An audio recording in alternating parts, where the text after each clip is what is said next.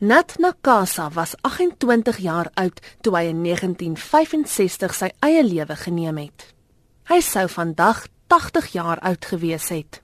Die sekretaris-generaal van die Suid-Afrikaanse Nasionale Redakteursforum, Reggie Moalusi, sê Nakasa het na sy tuisland verlang en steeds in New York in isolasie geleef en dit het bygedra tot sy selfmoord. Nat Nakasa was 'n uh South African legendary journalist. He was born in the Eastern Cape. He was a journalist who became to be known as part of that drum era. Obviously, he worked for drum in the 50s and all that before he left South Africa on a one-way ticket where he was not going to return to the country to go and settle in New York. But, you know, he committed suicide out of depression. But fortunately, through the work of SANEF, the Department of Arts and Culture, his remains were brought home. Volgens Moalusi was Nat Nakasa 'n joernalis met baie hoë aansien.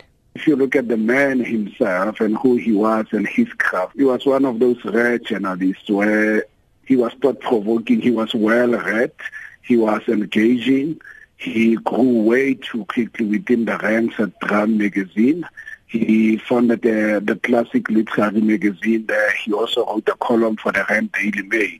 So, I mean, Nat was a well-rounded journalist, well-respected. And I mean, to this day, he's still one of those few journalists to be afforded the Nieman Fellowship. So, Nat Nakasa to this day, he, he still lives.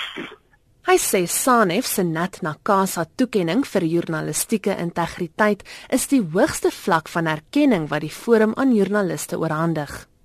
Die toekenning is verlede jaar aan Monitor se Futa Kriege en Suna Venter as ook die res van die SAIK 8 toegeken. The journalist who said my voice won't be silenced, a journalist who says I'm fighting for the truth and I'm fighting for what's right and I'm fighting for media freedom and that's exactly what net was. Dit was Reggie Moalusi, die sekretaris-generaal van die Suid-Afrikaanse Nasionale Redakteursforum. Nat Nakasa se nalatenskap leef voort. Ek is Dianke Nal vir SAK nuus.